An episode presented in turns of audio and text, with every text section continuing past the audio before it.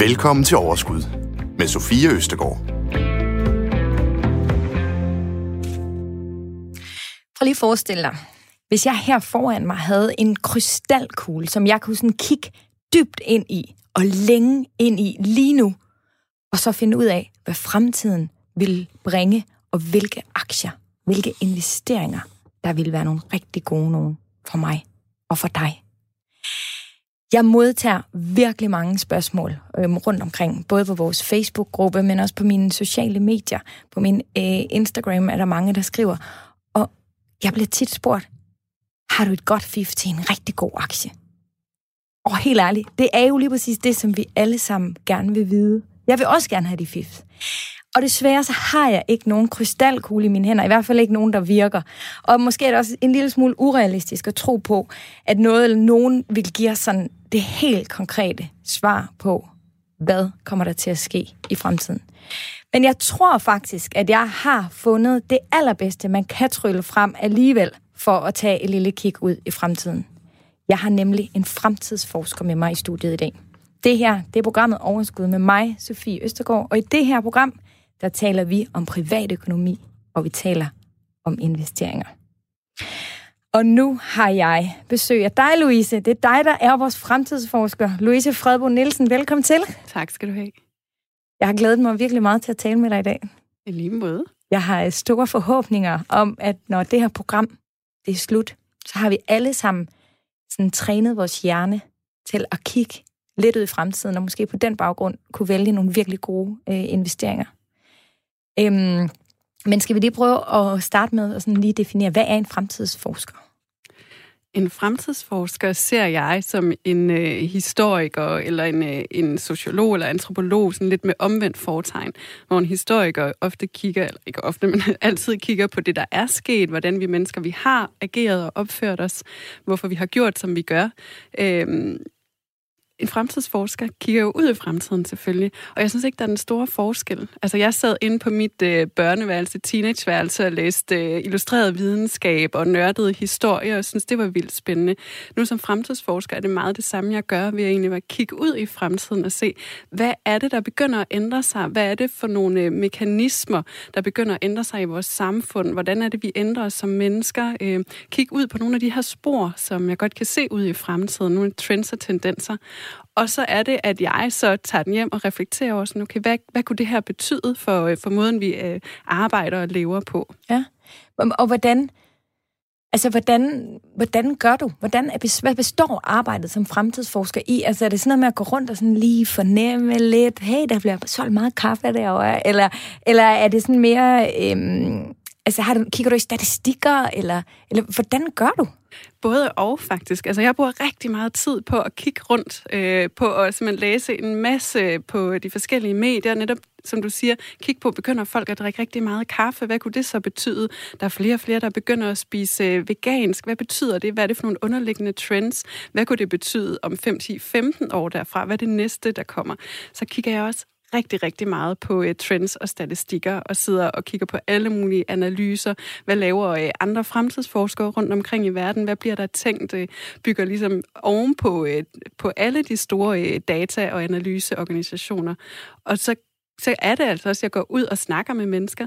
Jeg øh, har arbejdet meget sammen med, øh, med hospitalsektoren, med læger, sygeplejersker. Jeg har arbejdet rigtig meget sammen med banksektoren. Og det kan man sige, det er to meget, meget forskellige sektorer. Men meget af det, der sker i hospitalsektoren med teknologien, det betyder altså også mange af de samme ting i finanssektoren. Mm, så ja. på den måde ligesom arbejde altså rundt ja. på de forskellige øh, planer. Og det er jo en af grundene til, at det netop er sindssygt interessant øh, at have besøg af dig i dag.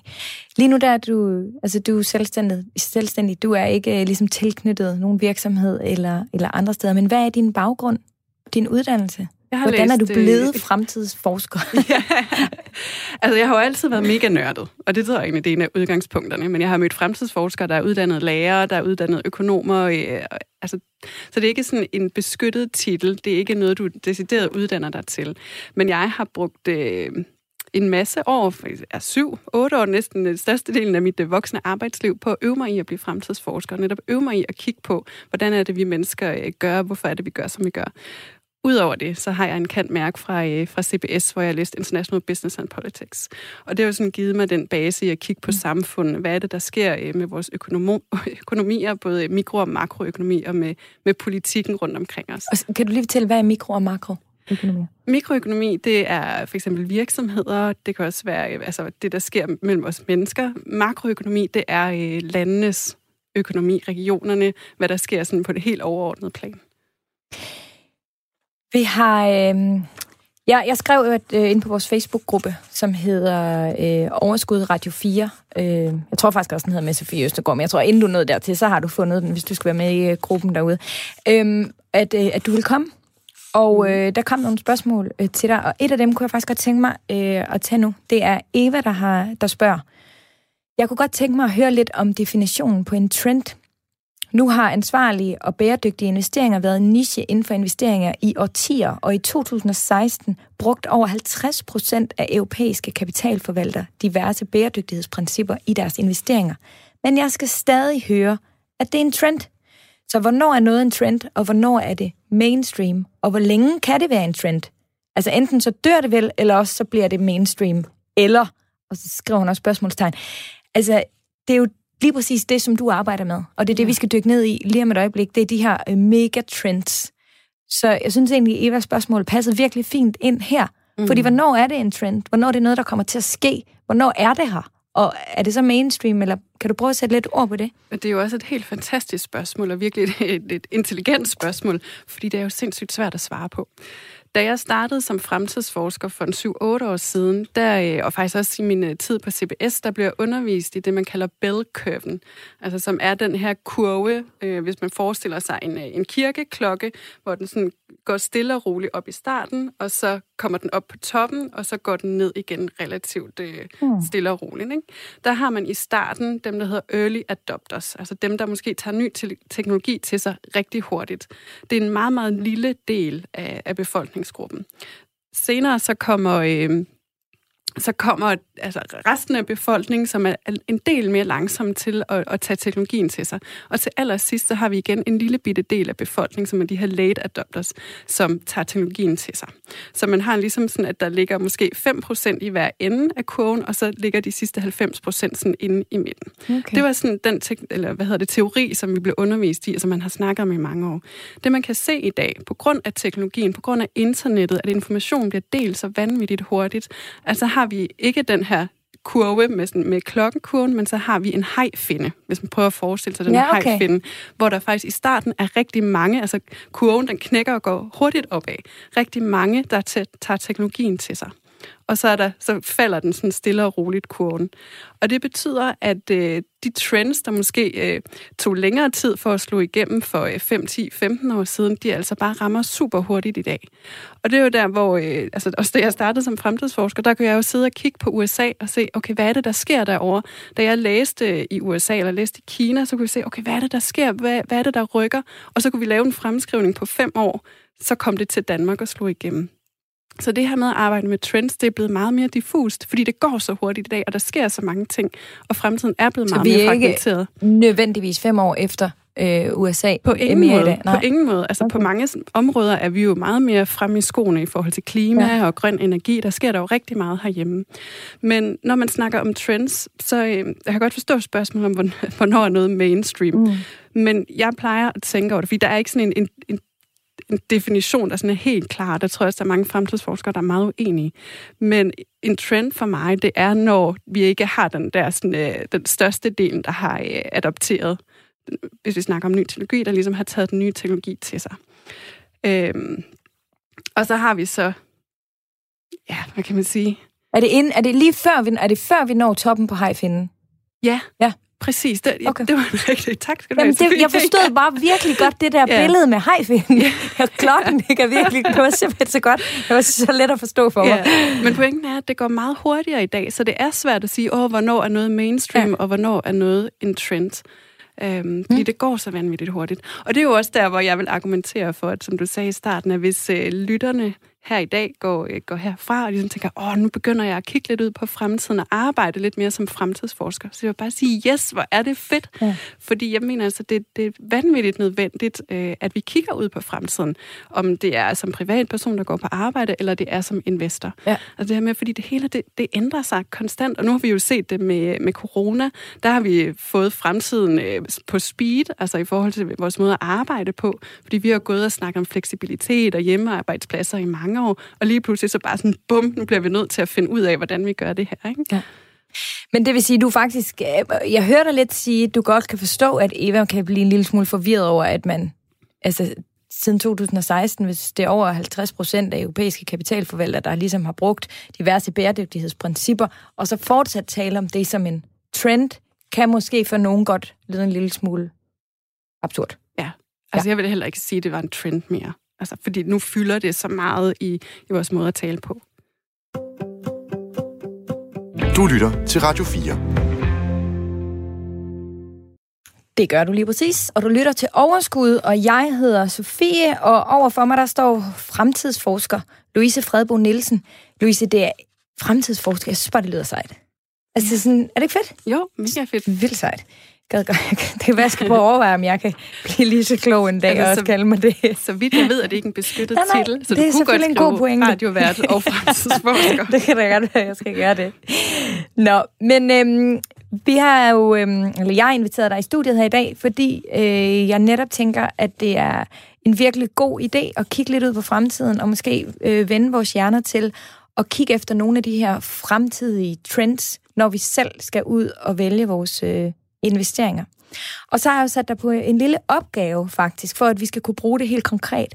Så jeg har bedt dig om at forberede øh, og komme med nogle megatrends, som vi så herefter skal få puttet ned i nogle sektorer, nogle brancher, for så til sidst, at vi skal tale om nogle enkelte, øh, altså nogle aktier eller nogle virksomheder, som, som gør det her, så man øh, sådan virkelig konkret kan, kan få de her trends og fremtidsforudsigelser helt øh, puttet ned i vores investeringer. Øh, og selvfølgelig er det op til alle at selv at vurdere, om de her øh, trends og aktier, som vi så kommer til at tale om, passer ind øh, i vores respektive øh, porteføljer. Men jeg er meget glad for, at du har taget udfordringen op, og jeg glæder mig rigtig meget til at høre, hvad du har med til os i dag. Så skal vi ikke springe ud i det? Jo, det ja. synes jeg. Altså, først så vil jeg egentlig gerne sige, at nu vi snakker om trends. Det vi, har, øh, det, vi skal snakke om i dag, det, det er megatrends. Det er nogle af de her rigtig, rigtig store trends, som kommer til at påvirke os alle sammen, om vi vil det eller ej. Der er mange forskellige trends, der er også meget mindre trends. Altså de her megatrends, det er nogle af dem, som jeg også kalder sådan hårde trends. Altså det er nogle, der kommer til at påvirke os, om vi vil det eller ej. Ja. Øh, det er sådan nogle kæmpe bølger, hvis vi ser det øh, havoverfladen, så det er kæmpe bølger, der rammer os. Så har vi også nogle øh, mindre trends, som er sådan nogle små bølger på vandoverfladen, som er lidt mere bløde trends. Og det er der, hvor vi har et valg. Ja. Men altså, det vi skal kigge på i dag, det er megatrends. Mm. Og øh, den første megatrend, jeg har taget med, det er, øh, at vi har nogle, øh, nogle udfordringer med demografien. Altså, vi har i mange år snakket om, at vi får flere og flere ældre, men nu kan vi jo også se, at der bliver en større og større middelklasse i Asien, og det fortsætter bare derudad. Og det kommer til at, at ændre måden, vi forbruger på. Altså, i Vesten, der har vi ligesom fået sådan en stuffication, som man kalder det. Altså, vi har øh, juicemaskiner og øh, debedutter og bøger og videofilm nok ind i vores skabe, men det har øh, Asiens middelklasse bare ikke. Så det kommer til at sætte endnu mere run på, øh, på måden, vi forbruger på. Og så har vi også det her herhjemme og i Vesten med, at vi har den aldrende befolkning. Og det har vi jo igen i mange år snakket om, men det, vi er bare stadigvæk ikke helt klar til det. Og jeg kan sige, vi får flere og flere ældre. Altså, mm. har ja. vi et valg? Det kan vi ikke rigtig ændre på. Nej, det kan vi ikke rigtig Nej. ændre på. Så det er, det, er, det er en hård trend, det er en mega trend, som vi simpelthen bliver nødt til at agere på. Men også når man kigger på det som, øh, som fremtidsforsker, så er det jo meget interessant at se, at øh, de ældre mennesker, vi får, det er ikke den samme type ældre mennesker, som vi har haft tidligere, som hvis vi tænker på vores bedsteforældre eller oldeforældre. Fordi de ældre mennesker, nu der er måske nogen, der bliver lidt fornærmet over, at jeg kalder dem ældre, når man går på pension, ja. at så begynder vi at leve meget bedre liv. Altså, vi har mere overskud. Vi ser en stor gruppe af de her boomers, øh, der er gået på pension nu og i de kommende år, som bare, de skal ud og fyre den af, og de skal leve livet, de skal ja. rejse og spille golf og drikke rødvin og så videre. Ikke? Mm. Så vi har den her generation, som også bliver nogle forbrugere. Så, så vi har demografien, der ændrer sig rigtig meget, og det er en megatrend. Det er rigtig spændende. Hvis vi så tager den megatrend, putter den ned i nogle sektorer, ja. nogle brancher, hvad ser du så i din krystalkugle, Louise? Ja, men så ser jeg øh, alt, der gør dagligdagen nemmere af IT-løsninger. Okay. Det vil vi simpelthen se et kæmpe boom i.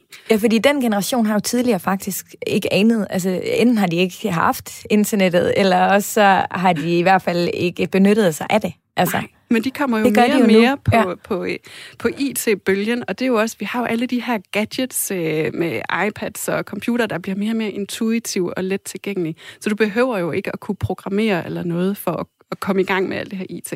Så vi ser alt det her IT, der gør dagligdagen nemmere, det vil altså få et kæmpe boom. Men så også øh, altså noget helt basalt som online handel det vil vi se et kæmpe boom i, fordi vi har den her store middelklasse.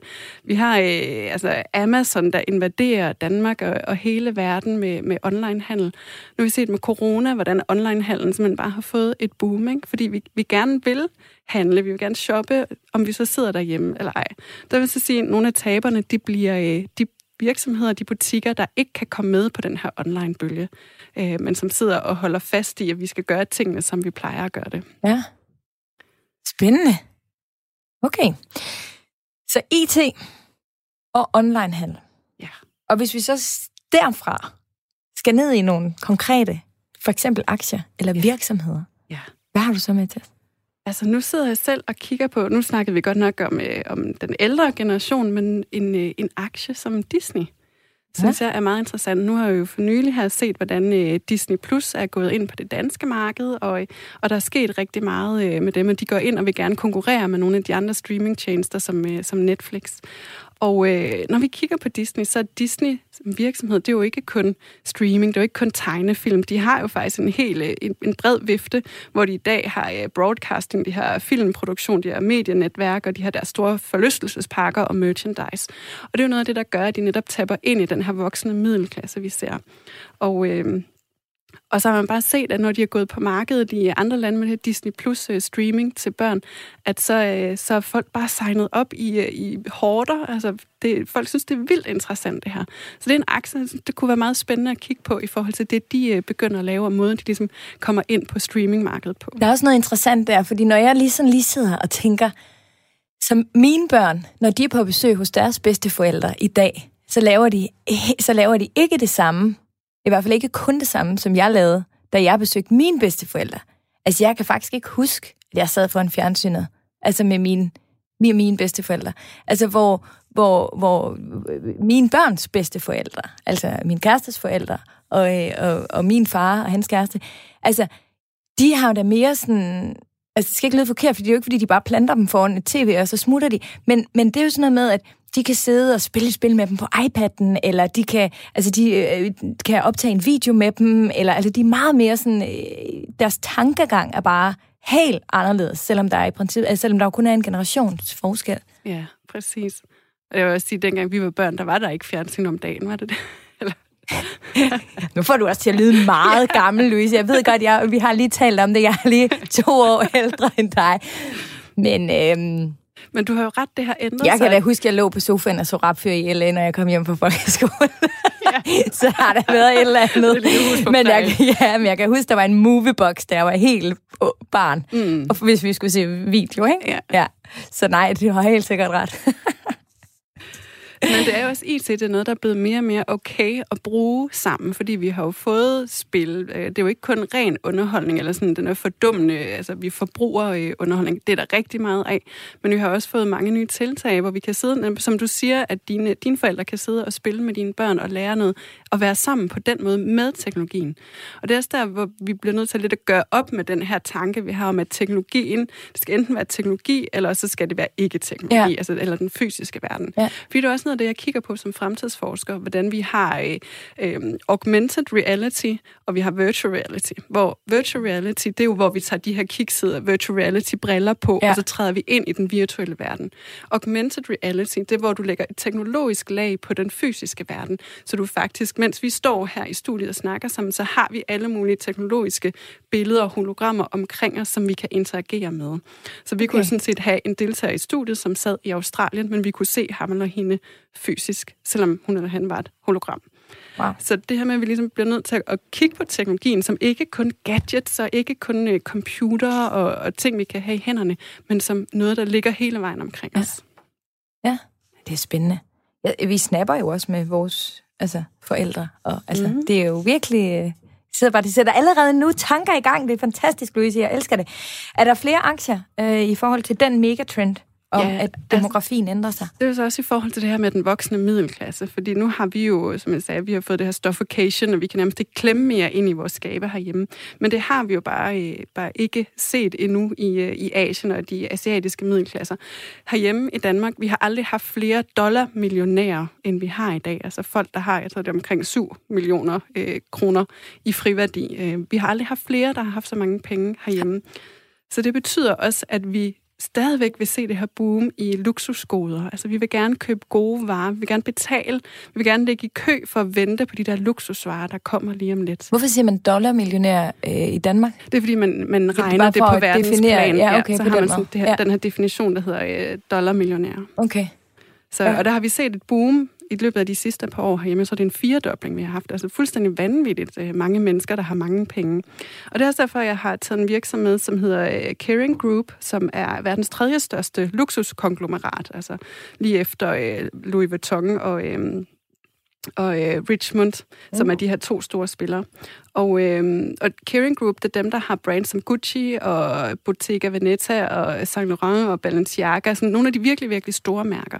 Mm. Og det vi ser, grund til, jeg synes, det er så interessant, det er, at vi har alle de her folk, der ligesom bliver taget ind i middelklassen, og som, øh, som også gerne vil have de her luksusgoder, som også gerne vil bruge penge.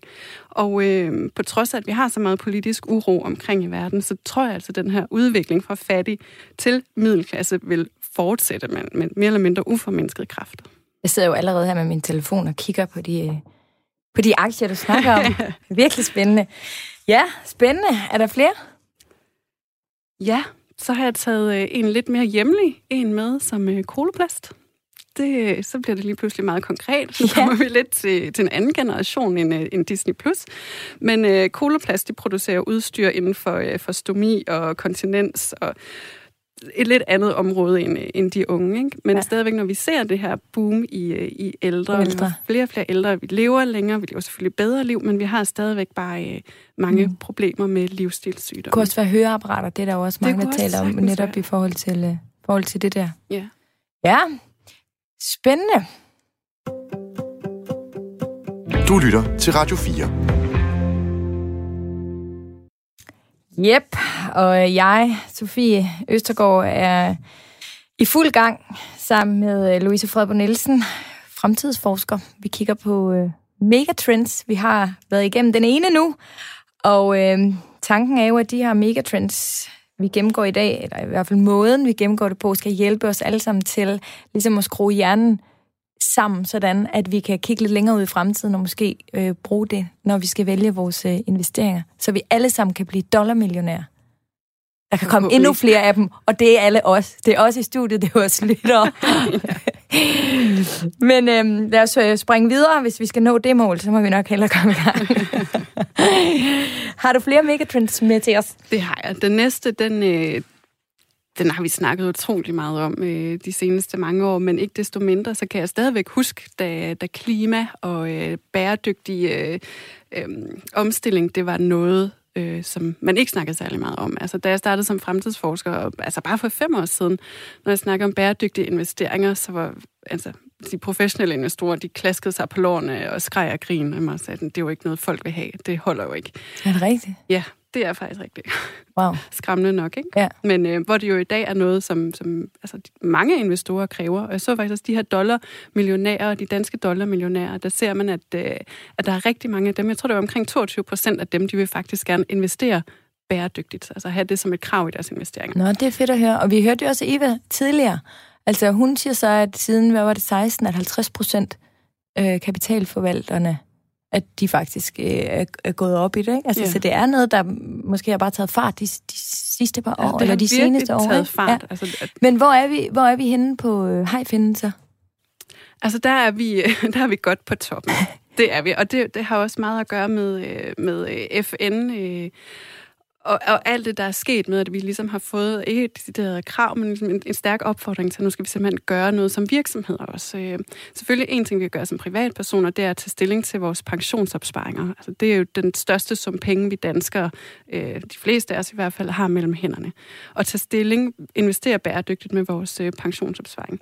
Men, øh, men i, i, i alt det her, der sker der jo rigtig meget på alle mulige forskellige fronter. Det er jo ikke sådan, at klimaforandringer eller den grønne omstilling, det, det kun er én trend. Fordi i grøn energi, der er der jo både vind og sol og biobrændsel, der ligger elbiler, batterier, veganske produkter, øh, bæredygtig indpakning til vores fødevarer, for eksempel. Mm. Ikke? Så der, der er rigtig mange elementer i den her øh, megatrend. Er det også derfor, det er en øh, long-lasting megatrend? Altså en, som virkelig tager lang tid altså, at komme op. Altså, det er Ja. måske derfor. Det er fordi, det er så gennemgribende i hele vores samfundsstruktur, Ja, præcis. at, at den på den måde kan, kan vare så længe, før ja. den ligesom... Ja, fordi det er jo noget, der går ind og rykker ved ja. Måden, vi, vi tænker på, måden vi lever, måden vi arbejder, måden vi interagerer på. Altså det hele skal ligesom ændres.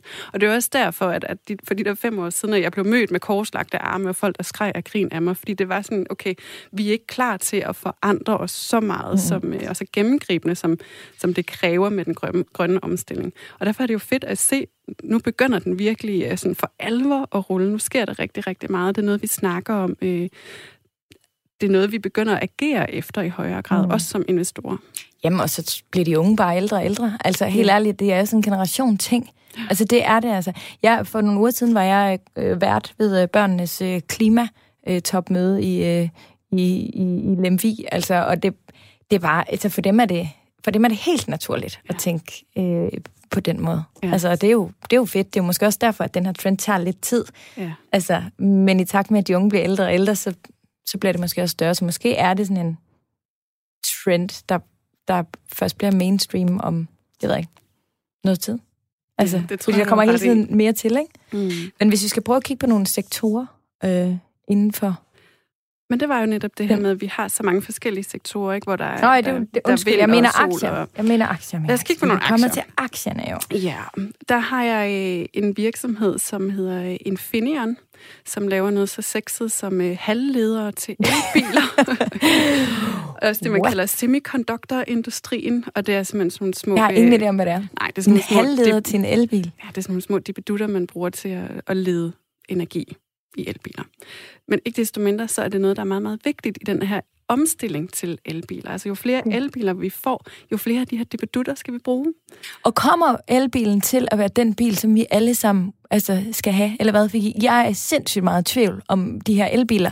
Både når det kommer til, øh, til, til om jeg skal investere i nogle aktier, men også til i virkeligheden. Vi vil, øh, min kæreste Sebastian og jeg, vi vil virkelig gerne have en elbil. Men vi kan simpelthen ikke, altså rent praktisk vil det ikke kunne lade sig gøre, fordi vi, vi, vi kører for langt. Altså, Mm. vi kører til Jylland hele tiden, vi er jo derovre fra, eller ikke hele tiden, men i hvert fald tit og ofte, og det dur jo ikke, at vi kun kan komme halvvejs. Men det er jo der, hvor det er super fedt, at der sker så meget med Ja. batterierne. Der sker så meget i forhold til, kan man oplade, når man kører på vejen? Ja. Øh, Kan man oplade ved hjælp af solenergi på Ja. taget, eller bliver det indbygget i bilerne? Ja. Så det er der, hvor der er rigtig mange forskellige øh, undersektorer, der arbejder på at gøre det her muligt. Det er virkelig fedt. Det er mega fedt, og Mm. det er også, altså, der kommer jo også øh, altså mere og mere brint, mere og mere hybrid som en, øh, en overgang til, at vi har elbiler. Men vi kan jo godt blive enige om, det holder ikke med, med benzinbilerne. Nej, men så er der også, synes jeg, jeg har hørt meget om, at de der øh, batterier der, Mm. mm. altså at de måske heller ikke er så klimavenlige at fremstille, og altså vi er et sted lige nu, hvor, hvor, hvor jeg i hvert fald som forbruger er en lille smule i tvivl. Mm. Men, øhm, men det fortsætter, Men det er jo der, hvor siger. det er en trend, vi skal holde øje med. Altså, Ja. så kan du sige, okay, jeg er virkelig meget i tvivl her. Nu skriver jeg den på min, øh, min bobler-sektorliste. Mm. Kigger simpelthen på det her. Bliver, går i gang med at træne sådan, dit fremtidsforskersind til at holde øje med. Hvad er det egentlig, der sker på batteriområdet? Er der nogle spændende virksomheder, der arbejder med det her?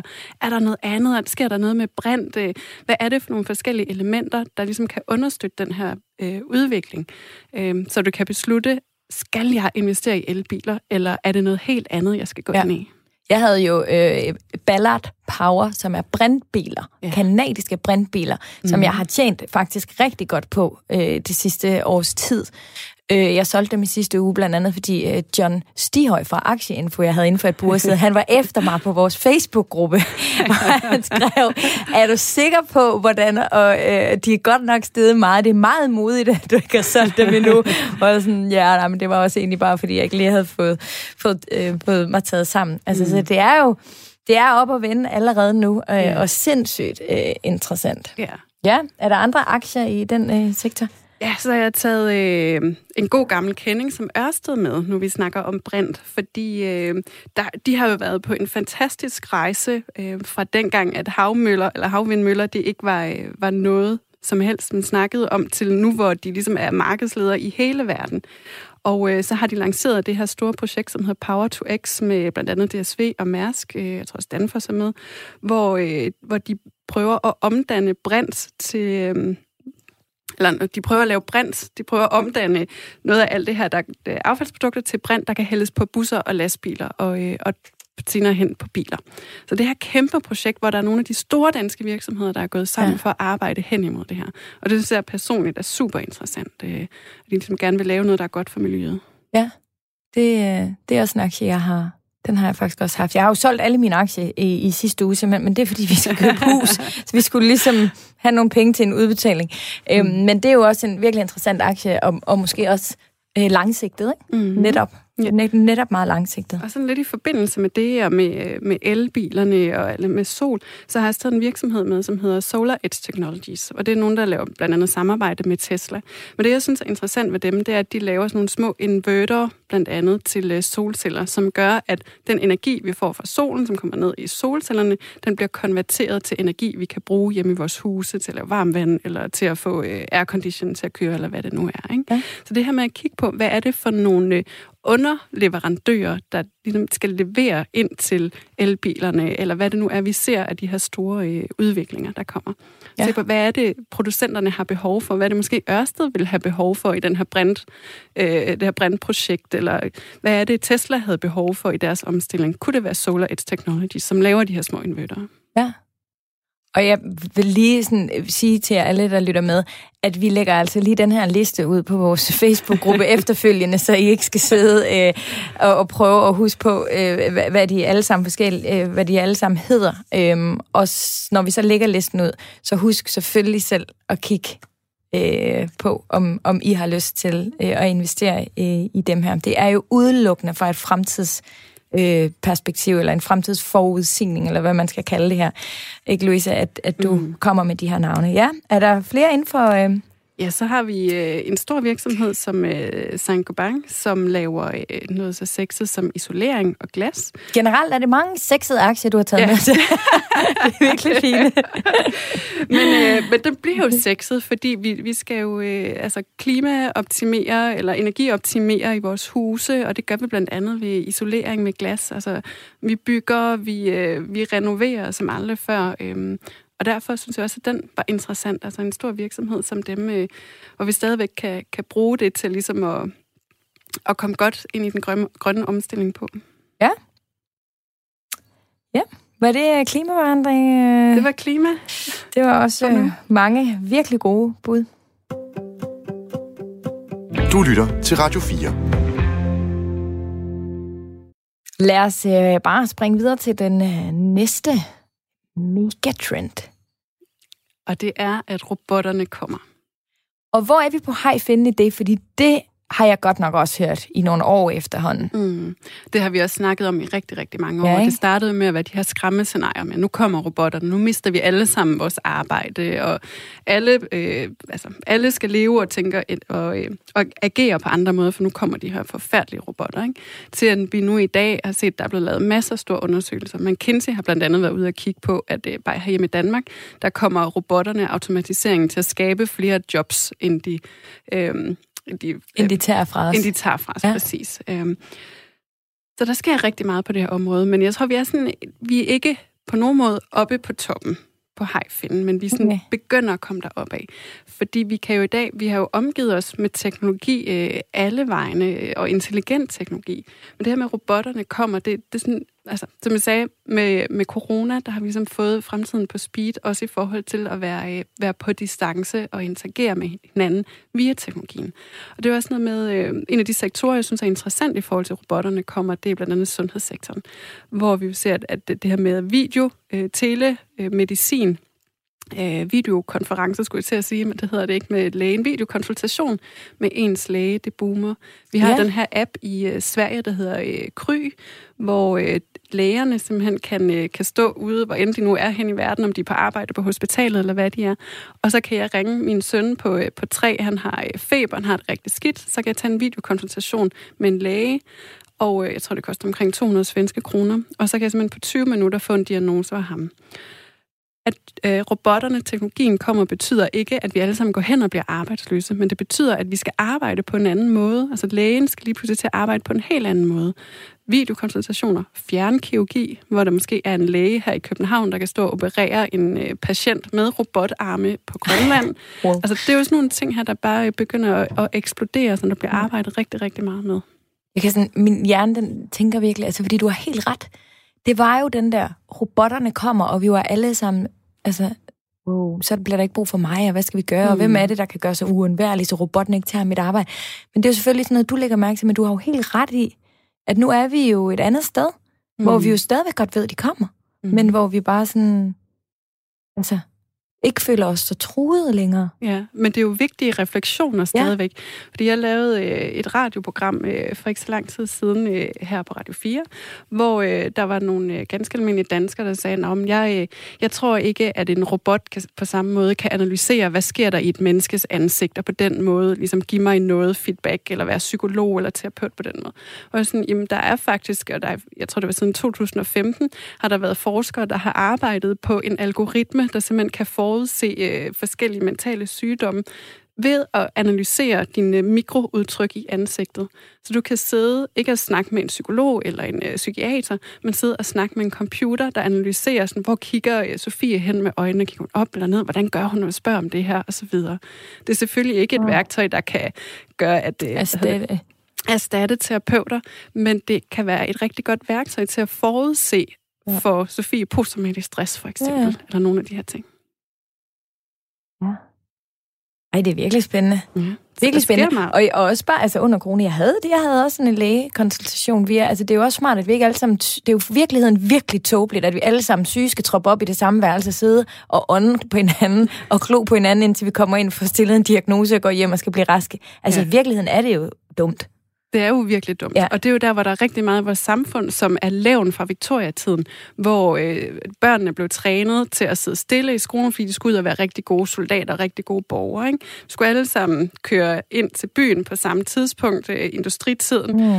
Ind til fabrikken, så får vi fri på samme tidspunkt, skal sidde i myldretrafik tilbage igen. Ja. Altså, der er mange er af de her dumt. ting. Det er jo fuldstændig dumt. Det er hul i hovedet. der er mange af de her ting, vi begynder at få rusket lidt op i. Ja. Og i forhold til corona og den tid, vi står i nu, der kommer robotter også til at, at gøre mange ting lettere for os. Kommer til at betyde, at det vil være nemmere at få en, øh, en god rengøring, holde bedre hygiejne, fordi vi får nogle robotter, der kan spritte et, øh, et studie, som her øh, meget bedre, meget hurtigere af, end vi mennesker kan. Ja. Så robotterne vil også være en hjælp langt hen ad vejen. Hvis vi så skal kigge på aktier inden Ja. for...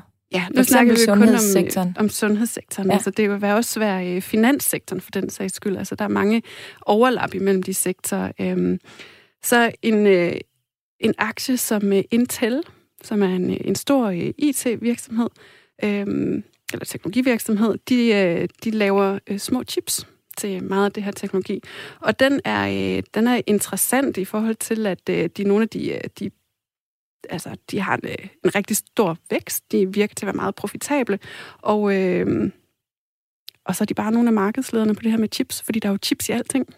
Så det er jo også igen det der med at kigge på, hvad er det for nogle underleverandører, der, der, der leverer ind til nogle af de her mm. øh, store, øh, store trends. Fordi at vi ser de her med, nu kommer robotterne, det er jo ikke ens med, at du skal kun investere i, øh, i én robotaktie. Du kan jo godt kigge på, hvad er det for nogle forskellige elementer, der indgår i at lave en robot. Hvad er det, der skal til? Og så vil jeg sige, i forhold til det her med robotter, det kan godt være super svært, eller teknologiaktier, super svært, hvis ikke man ved så meget om teknologi, om robotter, og sige, okay, hvad er det for en aktie, jeg lige skal vælge ud? der vil jeg helt klart gå efter måske at vælge en, øh, en indeksforening, øh, hvad hedder det, en ETF for den sags ja. skyld, hvor du får en god spredning, for de her ETF'er, hvor du så får puttet dine penge ned i en masse forskellige robotvirksomheder, ja. så du ikke er så udsat på at sige, åh, har jeg nu valgt den helt rigtige øh, robotvirksomhed eller øh, chipvirksomhed mm. for den sags skyld. Og hvis der er nogen, der sidder derude og tænker, hvad er en ETF, og hvad er det, Louise lige nu, øh, eller en ETF, og hvad er det, Louise lige nu sidder, øh, øh, står faktisk øh, og taler om, så vil jeg anbefale, at I går tilbage og lytter til vores program nummer to, fordi der har vi faktisk en virkelig udførlig øh, forklaring af, øh, af lige præcis nogle af de her øh, begreb. Ja, og ellers kan man sige, at en ETF det er sådan et, et passivt produkt, hvor øh, din investering ligesom prøver at replikere ja. eller efterligne det underliggende marked. Ja. Mm, er der andre?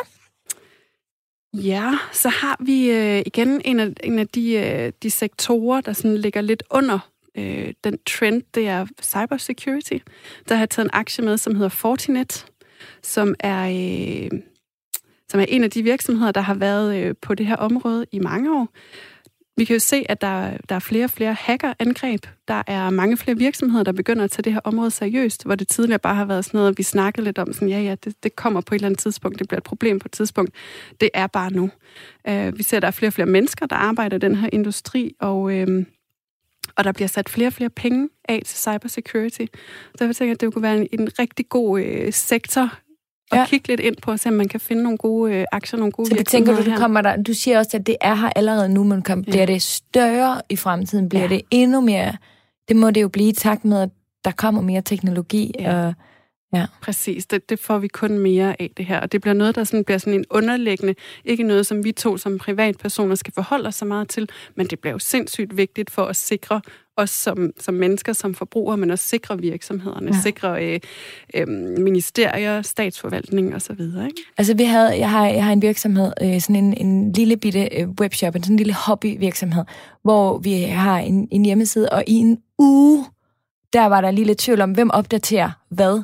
Den blev lagt fuldstændig ned med mm. viruser, med alt muligt, og med det ene og med det andet. Altså syv dage, vores lille bitte, fuldstændig ligegyldige altså virksomhed, var der bare nogen, der begynder at sidde og ja. med, med kodeord og med alt muligt. Altså, det er jo helt, det er virkelig vanvittigt. Og det er altså, jo virkelig ubehageligt. Ja, Også det med identitetstyveri. Det er jo så ubehageligt at blive udsat for de her ting.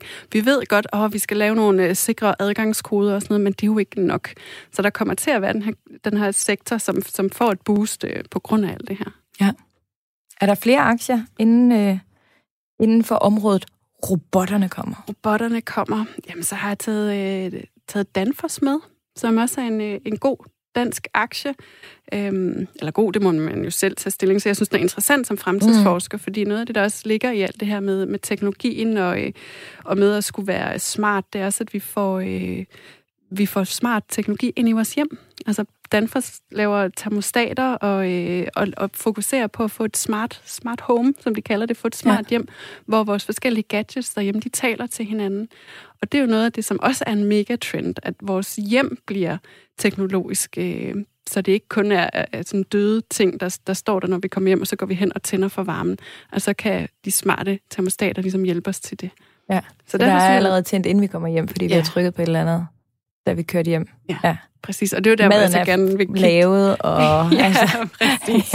Og det bliver lige præcis, som, øh, som du skal have næringen, og som dine børn skal have næringen. ja. Og det der med, at, vi på et tidspunkt også vil få... Det er jo ikke sådan... Hjemme hos os, jeg kan godt lide, at det er varmt, men man kan godt lide, at det er lidt køligt. Ikke? Ja. Det, er jo, det er jo super irriterende. Hvem ja. vinder så lige det her? Ikke? Men hvor vi så om ikke så mange år, vi kunne få sådan den her personlige øh, ventilation, skulle jeg til at sige, personlige øh, varme, personlige... Ja. Sådan, Bare følger jeg rundt i huset sådan. Ja, præcis. Det er super. Det er også det samme i flyvemaskiner. Ikke? Hvorfor skal ja, Ja, ja. ja. vi sidde inde under den samme luft og have den samme... Der er altid så pivkoldt i Ja. en flyvemaskine. Ikke? Ja. Så, øh, så alt det her med, det bliver meget mere smart. Det bliver meget mere skræddersyet til os som individer. Og vi sidder og griner af- af det nu, men det, det er jo helt sikkert sådan, det bliver. Ja. Det, det er vildt nok. Ja. Er der øhm, andet herinde under, eller skal vi springe til næste megatrend? Ja, men... Øhm, ja, det, det, det bliver meget nørdet, så jeg tænker, folk kan kigge på listen. Ved du det synes jeg faktisk er en øh, virkelig god øh, pointe. Du lytter til Radio 4. Vi øh, lægger læ- listen ud, så er der også øh, noget, man kan hygge sig med inde på vores øh, Facebook-gruppe øh, Overskud Radio 4. Øhm, find den endelig. Vi nærmer os øh, 1000, øh, 1000 medlemmer, og det er så hyggeligt, jo flere jo bedre. Så bare fyr den af derinde. I kan altid skrive eller stille spørgsmål derinde også. Jeg ved, du har taget en sidste megatrend med til os. Ja, og det er jo, øh, den snakker vi om, det er en af de meget interessante, fordi det handler om, at øh, vi går væk fra oplevelsesøkonomien, som vi har snakket om i mange år, men vi skal ud og have dejlige oplevelser, til at øh, vi taler om en transformationsøkonomi. Det betyder, at vi forbrugere vi ikke øh, stiller os tilfreds med at skulle ind og have en dejlig oplevelse i teateret eller i biografen, eller få en god oplevelse, når vi går ned i en butik eller handler på nettet.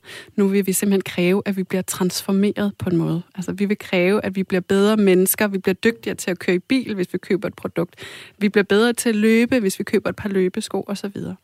Det er meget spændende. Jeg har aldrig, sådan, jeg har aldrig hørt om det som en økonomi, altså sådan, sådan et begreb. Spændende.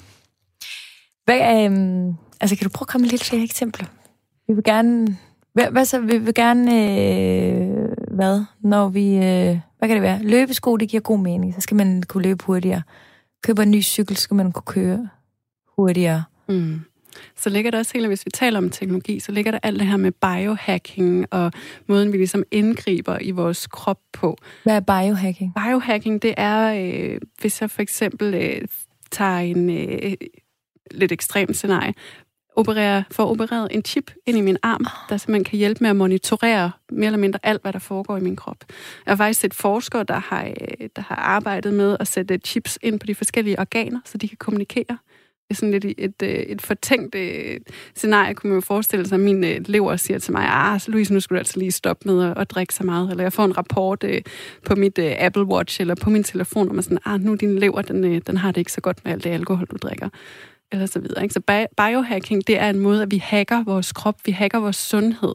Vi kigger oh. måske på blodprøver på vores DNA i forhold til skræddersy vores, øh, vores ernæring, måden vi sover på, øh, arbejder på og så videre. Ikke? Og det er jo der, hvor man begynder at bruge teknologien mere og mere til blandt andet at få indopereret chips. Skræmmende tanke, altså særligt med den der leverchip, den kan jeg næsten ikke glemme igen. Nej. wow. Men også, øh, der er en virksomhed i USA, der hedder Three Market Square, hvor øh, de lavede selvfølgelig et stort øh, PR-stunt ud af det, men hvor øh, direktøren og størstedelen af deres medarbejdere fik indopereret en lille chip i armen. Og øh, den var på størrelse med et riskorn. Altså det er jo stadigvæk lidt af et indgreb, ikke? At få sådan et fremmedlæge ind i armen. Mm. Men det gør, at de simpelthen kan øh, logge ind på deres computer, bare lige med sådan at, at svinge øh, håndledet, eller gå ned i kantinen og betale for frokosten med håndledet. Ikke? Så det er en måde at så biohacke på. Hvor er det vildt. Vi, jeg har lige øh, i dag, inden jeg kom derved og optage noget, noget tv, og der, vi bruger altid sådan en ind sådan en lille øresnegl, ikke? hvor lydmanden også sådan for sjov sagde, det løber meget lettere, er de bare indopereret, og så talte vi om sådan om, okay, men så når man som 10-årig eller 15-årig, eller hvornår 20-årig måske vælger karriere fremadrettet, når man så skal mm. være tv-vært, så skal du lige have indopereret en mikrochip, og hvis du skal have det, så skal du have indopereret, altså, Ah, det kommer skræmmende tæt på nu, her, når jeg står og taler med dig, Louise. Ja, og det er jo skræmmende tæt på, fordi i, øh, i Japan og i Kina, der har man, øh, det er jo sådan lidt noget andet, men, men sensorer på, øh, på hovederne, på, øh, på chaufførerne på hurtighed, hurtig hastighedstogene, der ligesom kan måle, okay, chaufføren i det her hastighedstog hvor er han? Er han træt, stresset? Hvordan er hans øh, sindsindstand, skulle jeg til at sige, det kan den nok ikke måle. Men øh, fordi man ved, at der er rigtig stor sandsynlighed for, at man kører galt med det her hurtighedstog, hvis man er træt, hvis man er stresset, hvis man lige har skændtes med konen. Ikke? Ja. Det her med, at det ligesom er teknologi, der griber ind i vores liv, ja. hjælper os til at undgå fatale ulykker, eller hjælper os til at blive bedre, hjælper dig til at blive en bedre studievært, hvis du havde den her inde i, der ligesom mm. kunne, kunne hjælpe dig med at stå på den rigtige måde for en kamera, ja. eller hvad end det nu var. Højre ben lidt frem, op med hagen. Præcis. Nå, men lad os springe til uh, sektorer. Ja, altså der har jeg taget øh, underholdningsbranchen øh, med, ja. fordi det er, jo, det er jo noget, altså i den her oplevelsesøkonomien, men hvor underholdning for os ikke længere er nok. Vi vil gerne være en del af det, der foregår. Det er også der, hvor man begynder at se sådan, okay, vi får skræddersyet film, skræddersyede slutninger, når vi går ind i biografen. Noget, der lige taler præcis til mig. Altså det her med skræddersyning bliver altså også øh, et, øh, et, øh, hvad hedder det, buzz, buzzword, øh, en overskrift på ja. fremtiden. Så også øh, atletikudstyr. Det, øh, det er en af de store Jamen, som ting. for eksempel sko, der hvor du siger. Som for eksempel sko, ja. Med en eller anden svømmedragt. Der, altså det, det har de jo allerede talt om, men måske vi, ja. bliver det mere sådan mainstream, at vi alle sammen, eller en, der gør os slankere eller højere, eller hvad ved jeg, ja. hvad vi kunne have øh, ønsker. Ja. Hjælper os til at få performe bedre. Ja. Og det er jo der, hvor man i mange år har brugt al mulig teknologi til blandt andet at analysere på fodboldspillere. Man analyserer på, øh, sætter de benet for hårdt ned, så er der risiko for skader, hvis man gør sådan og sådan. Altså mm. Altså bruger teknologien til at fremme skrive, hvad er det egentlig, der kommer til at ske, eller forudse, ja. hvad der kommer til at ske. Og det er jo der, hvor det, det er blevet meget mere mainstream og tilgængeligt for alle os andre, at vi kan måle og monitorere på snart alting, altså ja. hjertefrekvenser, øh, puls, hvad har vi ikke? Det hele kan vi nærmest få ind på vores smartphone. Er der nogle aktier med, som kunne tale ind i netop det her? Jeg synes, den der, der er meget, øh, meget interessant i forhold til det her, og meget tilgængelig for mange af os, det er Nike. Fordi ja. de, øh, de har jo mange år lavet altså noget så, så basic som øh, sportsudstyr, sko og træningstøj. Øh, de har været super gode brandingmæssigt. Men nu begynder de altså også at kigge meget mere på at, ligesom at, at, at personalisere, for at sige det på godt dansk, øh, oplevelsen for deres forbrugere. Altså hvor de... Øh, hvor de gerne vil, øh, vil, vil lave øh, loyal, loyalitetsprogrammer. De, mm. øh, de har stadigvæk en, en kæmpe stor vækst, og de er super stærke i Kina, men hvor de... Øh, Altså, de fokuserer meget mere på den her skræddersyede oplevelse for forbrugeren, ja. og det laver nogle produkter, der passer lige præcis øh, til dig som, øh, som forbruger. Tiden den går, og jeg vil mega gerne nå også at tale om øh, dine egne investeringer, som du jo absolut ikke er så grøn øh, med. Altså, men øh, der er lige en sidste øh, aktie, som du har talt om, som hedder Lululemon. Ja. Hvad er det? Jamen, det var faktisk, da jeg... jeg har talt om. Men det er bare fordi, jeg øh, kan se, at den står her på, øh, på en liste. Vi talte om det lige inden programmet. Så den tager vi ligesom det sidste. Ja, det var fra, øh, jeg tog den med, fordi da jeg øh, læste i USA, der, øh, det er et amerikansk brand, som laver yogatøj, dansetøj, sådan et meget feminint univers. Men de er netop gået ud og sagt, at vi vil gerne transformere vores forbrugere. Hvordan de helt præcis gerne vil gøre det, det ved jeg ikke endnu. Men jeg satte den på min, på min boblerliste, fordi det er sådan en, jeg sådan selv...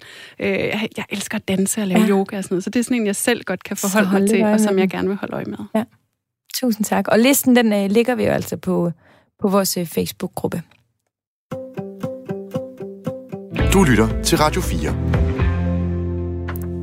Det gør du lige præcis. Og du lytter øh, faktisk til øh, programmet Overskud med mig. Jeg hedder Sofie, og jeg har fremtidsforsker Louise Fredbo Nielsen øh, i studiet. Og Louise, udover at være fremtidsforsker, så har du jo faktisk også været med til at starte kvindeøkonomien. Mm. Og for det ikke skal være løgn, så har du også udgivet en bog, som hedder Sæt kursen. Sådan lærer du at investere på 8 uger. Altså, det er jo den perfekte kombi, det her. Ikke? Du er fremtidsforsker, du ved, hvordan man øh, investerer. Hvor, hvorfor har du skrevet den her bog? Jeg vil sige, at der også pisseri. Nej. jeg kan altså... Fedt!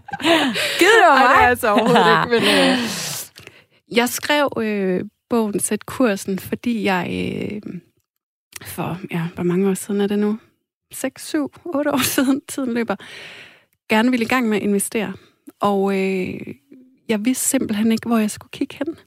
Den eneste, jeg kunne komme i tanke om, som jeg havde hørt snakke om aktier, det var min svigerfar og øh, han er sådan en gammel, eller ikke gammel, øh, erhvervsmand. Øh, altså, det var normalt for ham at snakke om øh, investeringer, og nu havde han lige handlet den og den aktie. Mm. Men jeg anede simpelthen ikke, hvem jeg skulle kigge hen på, for ligesom at se nogen, jeg lidt mere kunne spejle mig i, altså måske nogen kvinde. Og øh, så begyndte jeg at spørge mine, mine veninder, investere i, øh, hvordan forholder I jer til jeres penge? Og den reaktion, jeg så fik, det var, åh, det er ikke noget for os. Nej. Det er grådigt, det, det er ikke noget, vi kan finde mm. ud af. Og det resonerede bare så meget med mig, fordi det var præcis de her tanker, jeg selv sad og havde. Jeg følte mig simpelthen så dum, når jeg skulle kigge på min økonomi, om jeg skulle lægge et budget eller logge ind på min netbank, fordi jeg ikke vidste, hvad der stod derinde. Jeg var så bange og havde både håndflader og bankende hjerte. Ikke? Jeg havde slet ikke styr på det. Og så var jeg bare tænkt, det skal simpelthen altså, være nok. Det kan ikke passe. Jeg har en øh, kan mærke. Jeg burde også kunne finde ud af det. Og så var det simpelthen sat mig for at lære at investere på et halvt år, øh, og gjorde alt, hvad jeg kunne, og snakke med en masse mennesker omkring det. Ja. Og da jeg sådan begyndte at åbne lidt op omkring det, så fandt jeg ud af, at der var rigtig mange, der også gerne ville lære det. Så jeg har faktisk skrevet den her bog til mine fem bedste veninder og min, øh, min lidt yngre kusine, for ligesom at sige, vi, ja. vi bliver nødt til at stå, stå sammen omkring det her, fordi det er så vigtigt, at vi tager hånd om vores økonomi. Så derfor, Louise, er det store spørgsmål jo selvfølgelig, som vi skal til at have gang i nu. Du er fremtidsforsker, du ved, hvad der sker. Du kan forudsige trends og tendenser. Du ved, hvordan man investerer. Så kan du så komme med din portefølje, så vi alle sammen kan efterligne den. Hvordan ser din portefølje ud? Min portefølje lige nu er faktisk... Når du nu er så øh, rig. Min portefølje lige nu, hvis jeg skal være helt ærlig, det her lille lukkede forum, det skal er, øh, er helt forfærdelig. Okay. Det, øh, og det kan jeg jo godt sige, man skal også lære mine fejl. Jeg, øh, da jeg startede med at investere, der satte jeg mig også for, at jeg over en, øh, en årrække ville investere til udbetaling til et sommerhus. Og, øh, og det fik jeg så, det købte vi, og nu øh, har min øh, kæreste og jeg så købt et hus for et års tid siden. Og det betød, at jeg på det tidspunkt øh, solgte rigtig godt ud i, øh, i mine enkelte aktier, og faktisk nogle af de øh, indeksforeninger, jeg havde og var med i. Jeg er passiv investor. Og så du sidder faktisk ikke selv og bestemmer noget som helst. Du har overladt det til andre. Nej, det har jeg ikke. Jeg har overladt det til ETF'erne. Jeg har taget en... Men det er øh, vel også andre? Ja, det er robotter altså, og du har, øh, markederne ja. på den måde. Ja, Men så passer det måske i virkeligheden meget godt med, med nogle af dine megatrends, at robotterne de kan finde ud af det. Ja, præcis. Men det, det er mega spændende, og jeg synes, det er virkelig sjovt, at uh, din uh, portefølje den så ikke lige nu i hvert fald. Øhm, men øhm, Lia øhm, passer så godt med, med det, jeg havde forestillet mig.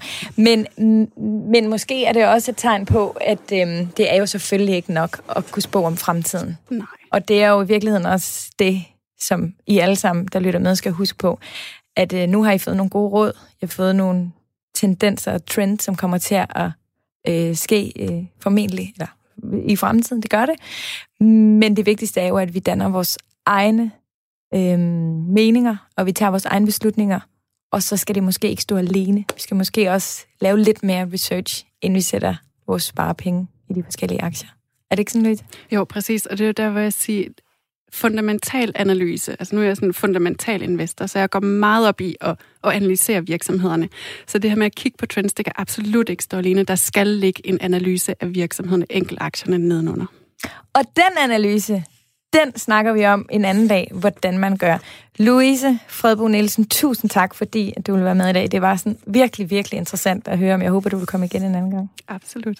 Følg med på vores Facebook, der lover jeg både at lægge listen over megatrends og øh, aktierne ud, men øh, der kommer også øh, alt muligt andet interessant, som jeg ved kan inspirere jer alle sammen. Jeg hedder Sofie Østergaard, og I kan altid skrive til mig, enten på vores Facebook eller på mine sociale medier. Find mig på Instagram, hvis I gerne vil øh, skrive til mig, øh, uden nødvendigvis lige at gøre det foran alle. Programmet her, det var tilrettelagt af Amanda Svarts Nielsen. Det var produceret af Body Body for Radio 4. Jeg glæder mig til, vi tales ved igen. Tak for i dag.